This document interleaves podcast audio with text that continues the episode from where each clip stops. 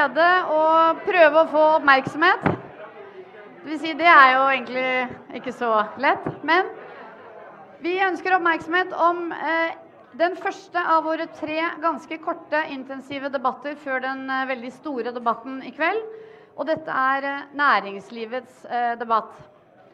Eh, det er da eh, en glede å ønske velkommen til vårt flotte panel. Fra eh, venstre, får jeg si, for dere som ser på, har vi Ida Kreutzer, som leder Finans Norge. Viktigste organisasjon selvfølgelig for finansnæringen. Vi har Vibeke Hammer-Madsen, som er sjef for Virke. Eh, og har vært det i 16 år. Hun gir seg nå ganske snart, men hun går ikke av med pensjon. Hun skal bli frilans. Vi har eh, Olaf Thommessen som leder Bedriftsforbundet, viktigste organisasjon for eh, de små bedriftene i Norge. Vi har Merete Nygaard, som er gründer av et selskap som heter Lobotics, som lanserer digitale tjenester ganske snart for primært store bedrifter som ønsker å automatisere måten de jobber med juridiske tjenester på. Og vi har eh, den lokale helten, Bjørn Tore Larsen, som er grunnlegger og eh, styreleder av OSM Group, som driver bl.a. med shipping og eh, flytjenester. Aviation på godt norsk. Mitt navn er eh, Cecilie Ditlev Simonsen. Jeg er eh, partner og rådgiver i First House. Om noen ganske få eh, timer skal vi ha en partilederdebatt. og den vil sikkert handle om pass Eh, eh, reiser selvfølgelig, og mobiltjenester og kontroll av det, men forhåpentligvis om mye annet også. Jeg har lyst til å begynne med deg, Ida Kreutzer. Hvor mye av kveldens debatt tror du vil handle om verdiskaping i næringslivet? Jeg tror, altså, jeg, jeg tror dessverre altfor lite kommer til å dreie seg om verdiskaping i, eh, i næringslivet. Og vi har hatt en, nesten en generasjon eh, politikere nå som har hatt gleden av å fordele et stadig større budsjettoverskudd. Eh, og så vet vi at vi nå går inn i en fase hvor det kommer til å bli strammere. Og vi vet tallene. Norge må skape 25 000 nye arbeidsplasser hvert år de neste 40 årene. Norge er verdens beste land å bo i. Men det betyr også at vi må skape mer verdier enn andre land per capita hvis vi skal klare å opprettholde denne velferdsstaten. Så jeg hadde håpet at det var eh, mye mer fokus på arbeidsplasser. Hva skal til for å skape arbeidsplasser? De vedtas ikke på statsministerens kontor. Hva skal til for å skape verdier? Hva er grunnleggende forutsetninger for verdiskapning? Og så ville jeg lagt til det grønne skiftet og klima. Hvordan skal Norge tilpasse dette på en måte som gjør at vi skaper verdier og arbeidsplasser? Der har vi altså Idars eh, drømmedebatt. Den får han kanskje ikke i kveld. Eller hva tror du, Vibeke? Hva tror du faktisk debatten vil handle om? Er det verdiskaping og næringspolitikk, eller er det noe annet? Ja, nei, jeg uh, må jo si meg altså, helt uh, enig med Ida. Uh, vi er det. Men det som vi har hørt fra den siden, det er jo at det må skapes før det kan deles. Og I disse tider hvor vi vet vi står overfor store omstillinger, det kommer til å bli endringer i jobber, folk kommer til å miste jobber, men det kommer til å bli mange som kan etablere nye jobber. Men da dreier det seg jo om rammebetingelser. Og det dreier seg om, og det ønsker meg, det er snart å få en, en statsminister og en regjering, men også et storting, som snakker om en helhetlig næringspolitikk. For i dag så kommer den i skyggen av populistisk forbrukerpolitikk. Og vi er faktisk slik at eh, privat tjenestenæring er den største sysselsetteren også. Altså Mer enn 1,3 millioner jobber innenfor tjenestenæringene. Likevel så blir politikk for tjenestenæringene det kommer i skyggen av industripolitikken. Jeg ønsker meg en helhetlig politikk av alt. Og så er det faktisk sånn at langt de fleste virksomhetene i Norge det er småbedrifter. Og, små bedrifter de kommer jo i skyggen av de store. Fordi det er ofte slik at hvis de tenker på tiltak som kan gjelde de små, ja, så kan de store leve med det. Men i dag så er veldig mye av de tiltakene som vi får fra regjeringen, det er knyttet opp til de store bedriftene. Og mange av de mellomstore og de små de sliter med, med det. Takk for det. Og dette er jo helt sikkert avtalt spill mellom deg og Olaf Thommessen, som representerer Bedriftsforbundet og 5000 små bedrifter. Og det er jo norsk næringsliv består jo stort sett av det. Og når du tenker på kveldens debatt, hva drømmer du om at den skal handle om? Da skal jeg bare fortsette der hvor Vibeke slapp, egentlig. Eh, for det én ting er at det er småbedrifter. En annen ting er eh, verdiskapning og skaping av nye arbeidsplasser. Men det er en annen ting som jeg tror vi glemmer veldig mye i debatten om norsk næringsliv. Det er hverdagsnæringslivet. Det er de som driver denne eh, kafeen her, det er de som eh, driver kiosken, det er de som driver regnskapskontoret, det er de som driver eh, ulike ting. Vi snakker heldigvis, endelig har vi begynt å snakke om gründere. Og, og, nyskapere og startups som rockestjerner og helter. og Det er veldig bra. Det har vært en endring på det. Men vi må ikke glemme at som Vibeke sier, 90% av norsk næringsliv er under ni ansatte, og de driver med hverdagsnæringsliv. De må også få rammebetingelser eh, til å leve, vokse, drive med innovasjon. Innovasjon er ikke bare digitalisering. Det er også ulike former for å drive den vanlige lille butikken på en ny måte. Alt dette her sånn håper jeg man kunne, kunne snakke om. Men jeg er helt enig at det kommer de ikke til å snakke om. I tillegg hadde jeg selvfølgelig håpet fra Bedriftsforbundets side og på vegne av norsk næringsliv at vi må snakke om elefanten i rommet, og det er det høye sykefraværet i Norge. Herregud, jeg trodde det var Per Sandberg. Nei, elefant, han er ikke et elefant i rommet. Han, uh, han snakker vi mye om. Uh, men det er en ting vi ikke snakker om, men som virker også heldigvis har begynt å snakke om, og det er sykefravær i Norge, som er er mye større enn alle andre land det er naturlig å sammenligne oss med. Man skulle jo tro at med det sykefraværet så var vi ikke verdens beste land å leve i. Da var vi virkelig et av de verdens verste land å leve i. Og Hvis ikke vi begynner å snakke om å ta tak i sykefraværet både på kort tid og lang tid Vi har regnet ut at det, kommer, at det koster oss mellom 30 og 50 milliarder kroner fordelt på næringsliv og stat. Så, så, så snakker vi ikke om de viktige tingene. Eh, Tror det, du at uh, den ordningen vil bli diskutert i kveld? Nei. Nei. Dessverre tror jeg ikke det. Og, dessverre, og årsaken til det er at man ikke ønsker å ta tak i de viktige tingene og de store problematiske tingene. Eh, rett og slett fordi man tror at man fortsatt kan ha råd til det over tid. Eh, og det er, for å si det, å si det som eh, hverdagsnæringslivet ville sagt det, det er å pisse i buksa for å holde seg varm. Merete Ny... Uh! Applaus! Merete Nygaard, eh, jeg bare gjetter jeg, at i din relativt lille bedrift, eh, som eh, har holdt på ja, snaue to år, er det vel, så har dere verken tid eller råd til å være syke, noen av dere. Hvis du var Erna Solberg, hva ville stått høyest på din agenda? Ikke bare i kveld, men generelt. Jeg har jo litt mer sånn snever innfallsvinkel, da, for jeg er jo en liten bedrift som ønsker å bli en, en vekstbedrift og en stor bedrift. Så jeg er jo mest opptatt av rammevilkårene som gjør at vi kan vokse på en bra måte. Bl.a. å tiltrekke mer kompetente arbeidskraft til oss og få bedre rammevilkår for det. Bl.a. å fjerne opsjonsbeskatningen. er det det viktigste som regjeringen kan gjøre for, for deg og for din næring? Er, handler om opsjonsbeskatning? Ja, absolutt. Fra, fra vekstbedriftens eh, synspunkt. Det og den mer upopulære formuesskatten. Men eh, først og fremst er det opsjonsbeskatningen som vekstbedrifter er opptatt av, og som ville gjort størst forskjell for oss. Og så, hvis jeg da går til deg Jeg kalte deg lokal eh, helt, da. Det er greit, det? Vel, vel. vel. Ja, eh, Bjørn Tore, eh, hvis du var eh, Erna for en dag ja. Det er jo litt sånn gøy å tenke på det? Ja, jeg kan, jo, jeg kan jo se enkelte deler av det som er morsomt. i hvert fall, ja. ja. Men eh, hva ville du satt eh, høyest på agendaen? Jeg ville kalt inn Jonas og de andre som har innflytelse, og som egentlig mener nesten det samme som meg inn på et lukka rom hvor vi ikke skal vinne debatter. For det er nemlig ikke i debattene som uh, man får fram hva som er de fornuftige meningene, tror jeg. da. Det er om å gjøre å vinne, få terningkast eller å ha noen innøvde morsomheter. Jeg ville, hvis jeg var Erna, så hadde jeg sagt at uh, hør her, la oss være enige om målet. Hva er det vi skal oppnå? Og hva er hva målet? kan vi skape? Vel, jeg ville sagt, og Det er ikke alle som er enig i at, at vekst er viktig, da, men jeg tror det er viktig hvis vi har velferd. Så jeg ville sagt La oss finne en måte hvor vi kan vokse økonomien på. Og så kan vi heller slåss om å fordele den. Skal vi bygge jernbane eller flyplasser, det kan vi slåss om. Men ikke la oss slåss om at det faktisk er viktig å skape inntekter.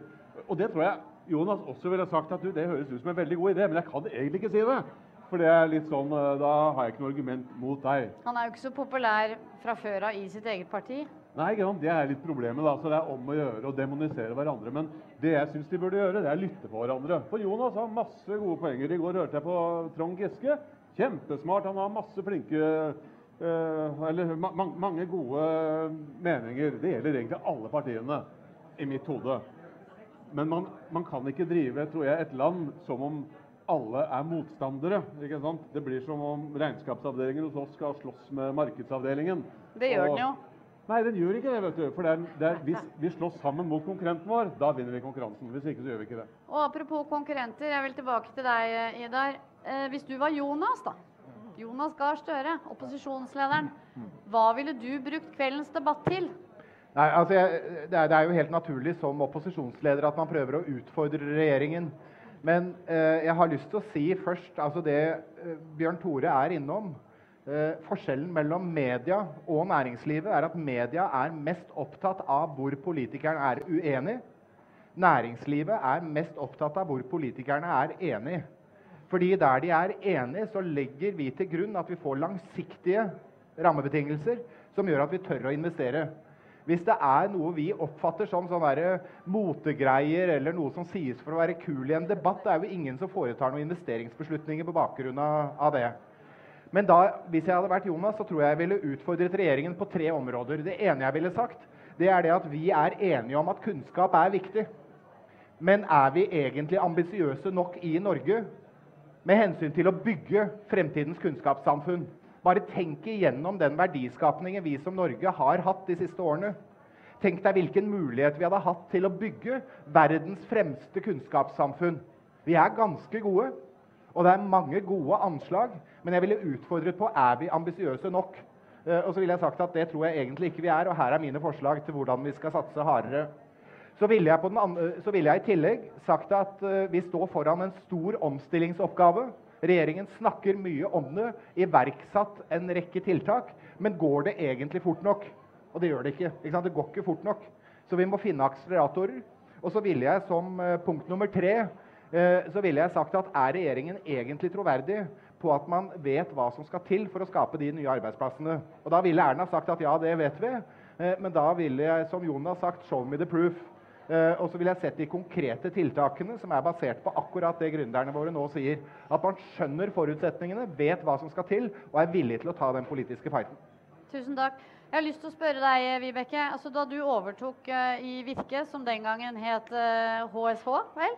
Ja, eller- Ja, det er lenge siden. Men, ja. Men eh, da var det 9000 medlemmer. I dag har dere 21 000 medlemmer. Ida snakker om at eh, dessverre er ikke regjeringen nok opptatt av hvordan man skal skape de nye arbeidsplassene. Hva er svaret?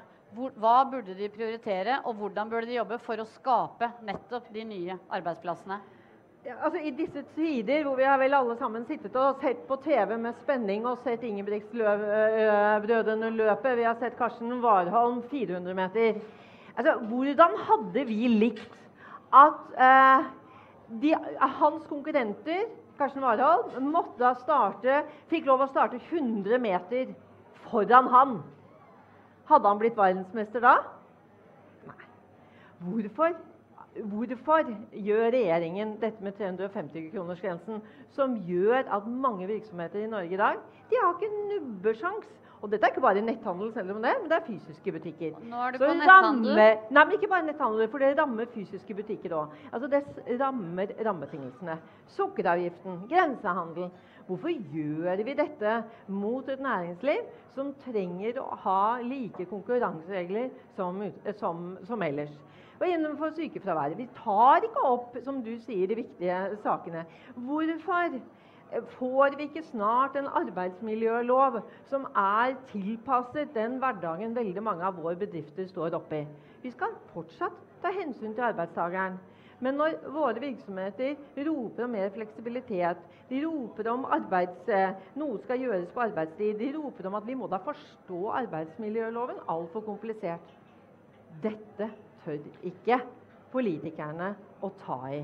De Men bare det det utsetter det. Dere- De får ikke rammebetingelser som gjelder da for Og det gjelder både store og små virksomheter, men de store kan jo jenke det til Men i motsetning til veldig mange andre som ønsker møte med toppolitikere i Norge, så er dere i posisjoner hvor dere faktisk får de møtene. Om det er eh, lucky you eller ikke, får andre vurdere, men dere får de møtene.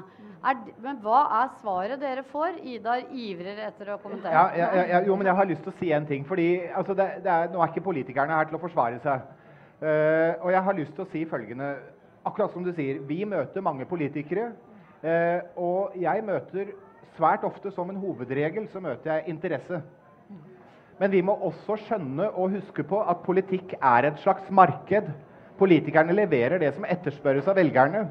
Så vi må, jeg, når vi skal se på oss selv, vi må bli mye flinkere til å jobbe i det offentlige ordskiftet. Jobbe ute blant folk for å skape forståelse for betydningen av næringsliv. Betydningen av eh, verdiskapning. Hvordan skapes nye arbeidsplasser? Sånn at velgerne etterspør politikere som er med å skape dette. Eh, Vi har vent oss til at eh, velstand det vedtas i Stortinget. At velferd det er noe som kommer som vi pumper opp fra bakken. Og sånn kommer det ikke til å være fremover. Og da må vi også som næringsliv engasjere oss på en helt annen måte i et offentlig ordskifte for å skape den der brede forståelsen for betydningen av dette. Takk. Eh, Olaf har bedt om ordet, og du har jo aldri vært redd for det offentlige ordskiftet. Men det var kanskje ikke det du skulle kommentere? Nei, jo, jeg skulle kommentere det du spurte om. Altså, hva er det vi møter når vi treffer politikerne? For det er litt det samme som du var inne på, nemlig i forhold til småbedrifter. Jeg, vi opplever jo en, og ikke, og ikke også som Ida sier, at vi opplever jo til enhver tid aksept og interesse, men vi opplever ikke noe handling. Eh, og for Hver gang det skal være noe handling, så er det alltid noen hindringer i veien som dreier seg om provenyeffekt av ditt og datt, eller det er liksom et eller annet. Men interessen, og, og, og, og vi kommer jo alltid ut av et møte med politikerne med tro om at ja, de er opptatt av småbedrifter, men de er ikke det. For det de er opptatt av, de er opphengt i den samme gamle tanken som Vibeke snakker om, nemlig de tror fortsatt eller, i, det politiske ordskiftet fremstår i hvert fall som om de tror at vi fortsatt lever av store industribedrifter i Norge eh, som, som, som, som, driver på håper jeg gammeldags måte og ikke på digital måte. Som ikke har de kravene til fleksibilitet og annet som morgendagens industri har. Eh, slik at vi, vi, vi opplever en forståelse og en nikking og imøtekommenhet, men vi opplever ingen handling etterpå. Eh, og dagen etter så står det om hva skal man gjøre for å imøtekomme eh, oljeprisfallet. Jeg tror hvis Stein Lier Hansen var her, og han er ikke her, men jeg tror faktisk han sitter ved siden av, så kanskje han eh, hører på dette, for han har det i hvert fall på skjermen der, ville sagt at det faktisk pågår eh, både modernisering, effektivisering og digitalisering også av deler av norsk industri. Men fra det tilbake til gründerbedriften Lobotics. Eh, når dere snakker digitalisering, jeg har lyst til å spørre deg om det, for digitalisering i noen virksomheter er jo etter hvert blitt liksom av de ansatte nesten liksom fleipet med som et annet ord for nedbemanning eller omstilling. Når dere jobber med digitalisering og forretningsutvikling, hva, hva er det egentlig det handler om? Og det andre spørsmålet mitt er, skjønner politikerne det, tror du?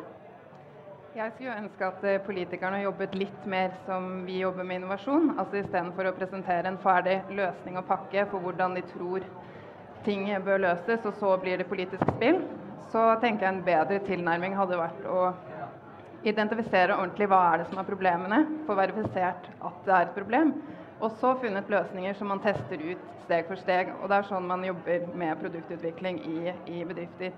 Og sånn skal jeg ønske politikerne tenkte litt mer, og så fikk hun innspill og testet underveis. Forskjellen er selvfølgelig at du slipper å ha VG hengende på deg i alle de testfasene og prøve- og feilefasene. Men Ja, Man kan jo etablere mer sandkasser og mindre områder hvor du tester, tester det ut på. Og at politikerne inviterer mer til dialog. Jeg var bl.a. på et toppmøte med, for å få flere kvinnelige gründere, eh, som næringsministeren tok initiativ til. Sånne tiltak syns jeg er kjempebra. Men det må ikke bare bli med overflaten. Man må grave seg ned.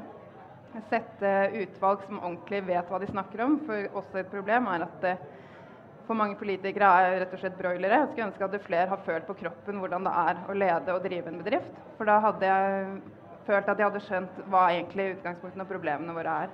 Det nikkes her. Jeg har lyst til å bare forfølge det. Idar sa at eh, vi, dere, må bli enda flinkere i det offentlige ordskiftet. Og det kommer jo faktisk fra en leder av en organisasjon som er ganske aktiv offentlig. Men eh, mens dere som er næringslivsledere og ikke organisasjonsledere, eh, dere er jo nesten helt fraværende i samfunnsdebatten. Hvorfor er det sånn? Nei, si det, da. Eh, Vi er vel for redde for å stikke oss fram, da. Jeg vet ikke. Men det jeg tror er litt av problemet, det er faktisk at redsel det styrer mer og mer av hvordan det ageres. Politikere er livredde for å si noe som kan komme feil ut, og da er det bedre å ikke gjøre noe. De er redde for å si noe som ikke er helt politisk korrekt. De er redde for å Du var inne på elefanten i rommet. ikke sant? Altså de, de er redde for å ta tak i det som de vet kommer til å være upopulært. Derfor så lar de være å gjøre noe med det. Og det er problemet som du er egentlig er inne på, tror jeg. Eh, I Norge så har vi, som i veldig mange andre land, en yrkesgruppe som heter politikere. Jeg mener at det burde vært som i en rettssal, hvor du har legdommere, som er deg og meg, og som sitter der i eh, fire år, åtte år eller tolv år, eller hvor lenge de skal få lov til å sitte på Stortinget. Og så må de ta pause og jobbe med en vanlig jobb, hva nå det måtte være. Det tror jeg kunne vært en idé for å få politikere som skjønner mer hva det egentlig dreier seg om, enten de jobber i det offentlige eller i næringslivet. Der var det applaus. Nå er vi i hvert fall fra én. Vi klapper. Det er bra. Tror, eh, tror dere at Arendalsuka kan bidra til å bygge en slags eh, hva skal vi si, bro mellom næringsliv og, og, og politikk? Ja, ja. Ida, deg? Ja, ja, åpenbart. Altså, dette er jo en møteplass. eh, og de der naturlige Det er en festival for voksne. Ja, det er, ja, det er hurra meg rundt, det er forlenget russetid og alle disse tingene. Men, men det er også en møteplass ikke sant? hvor man har naturlig møte mellom politikere og gründere. Politikere og industrifolk. Politikere og tjenesteytere. Og de der naturlige eh, møteplassene er det altfor få av. Jon Gunnar Pedersen sa tidligere i dag i en debatt at verdiskapning er samfunnsbygging. Verdiskaping er samfunnsbygging, og det er vi felles om. Eh, Og nettopp det å da få den fellesdiskusjonen, fellessamtalen om verdiskapning er kjempeviktig, og det kan vi få til her. Det er veldig bra. Vibeke får en kommentar, og så skal vi ha bare en eh, litt rask avsluttende Jeg, runde. jeg er veldig spent på, i, eh, når vi hører debatten i dag, om er det noen av politikerne som kommer til å helt konkret snakke næringslivet opp. Skal vi- legge merke til det? næringslivet, liksom. Fremsnakke næringslivet. Vet dere hva? Etter alle de årene jeg har vært med på eh, dette, så er ikke jeg sikker på at det kommer til å skje. Og, og det syns jeg er en, er en utfordring. Og Ida, ja, vi kan gjerne skylde på oss selv at ikke vi er gode til å få frem eh, eksempler. Men dette igjen har jo noe med Når vi er her også, da snakker vi med hverandre. Vi er inni den samme boblen, og vi som si er her, eh, vi snakker. Men utad, ut der ute, så blir det stille. Kanskje vi får holde oss i Arendal? Ja, ja. Blir ikke mye verdiskaping da. Men det er jo egentlig det der, det der å klare å komme ut med å snakke næringslivet opp. Vi er avhengig av å skape verdier før vi kan dele. Takk. Vi får en lynkort kommentar fra Olaf. Og mens han eh, gir den, så kan alle tenke på følgende spørsmål, som dere får bare svare ja og nei på helt til slutt. Og det er om Erna Solberg er statsminister også når vi går inn i 2019. Vær så god, Olaf. Først ikke til det, men til din kommentar. Nei, nei, Kortversjonen var bare om dette er en eh, møteplass hvor disse broene kan bygges. og jeg, jeg mener at det er et godt forsøk, og jeg mener at det er god grunn til å håpe og tro det. Men det krever at, man, altså, at vi ikke bare er topplukkjederne på speed. At det ikke bare er eh, organisasjoner, journalister og politikere som møtes. Og ikke bare store bedrifter heller. og at det er, eh, jeg tror at man har noe å tjene på å være ytterligere bre, bre, ha et bredere nedslagsfelt hos Arendalsuka få mer av hverdagsnæringslivet på banen, og ikke bare store toneangivende, for at det skal ha en reell effekt, og ikke bare være i en boble hvor vi alle kjenner hverandre og snakker om det samme og er enige. Bra. Vi begynner her denne gangen. Bjørn Tore, er eh, Erna Solberg statsminister i januar 2019? Ja. Merete? Ja. Olaf? Vibeke? Ja. Idar? Ja, ja, helt sikkert. Det kommer til å bli masse sirkus, men svaret er ja. Svaret er ja. Tusen takk for uh, diskusjonen. Takk til panelet.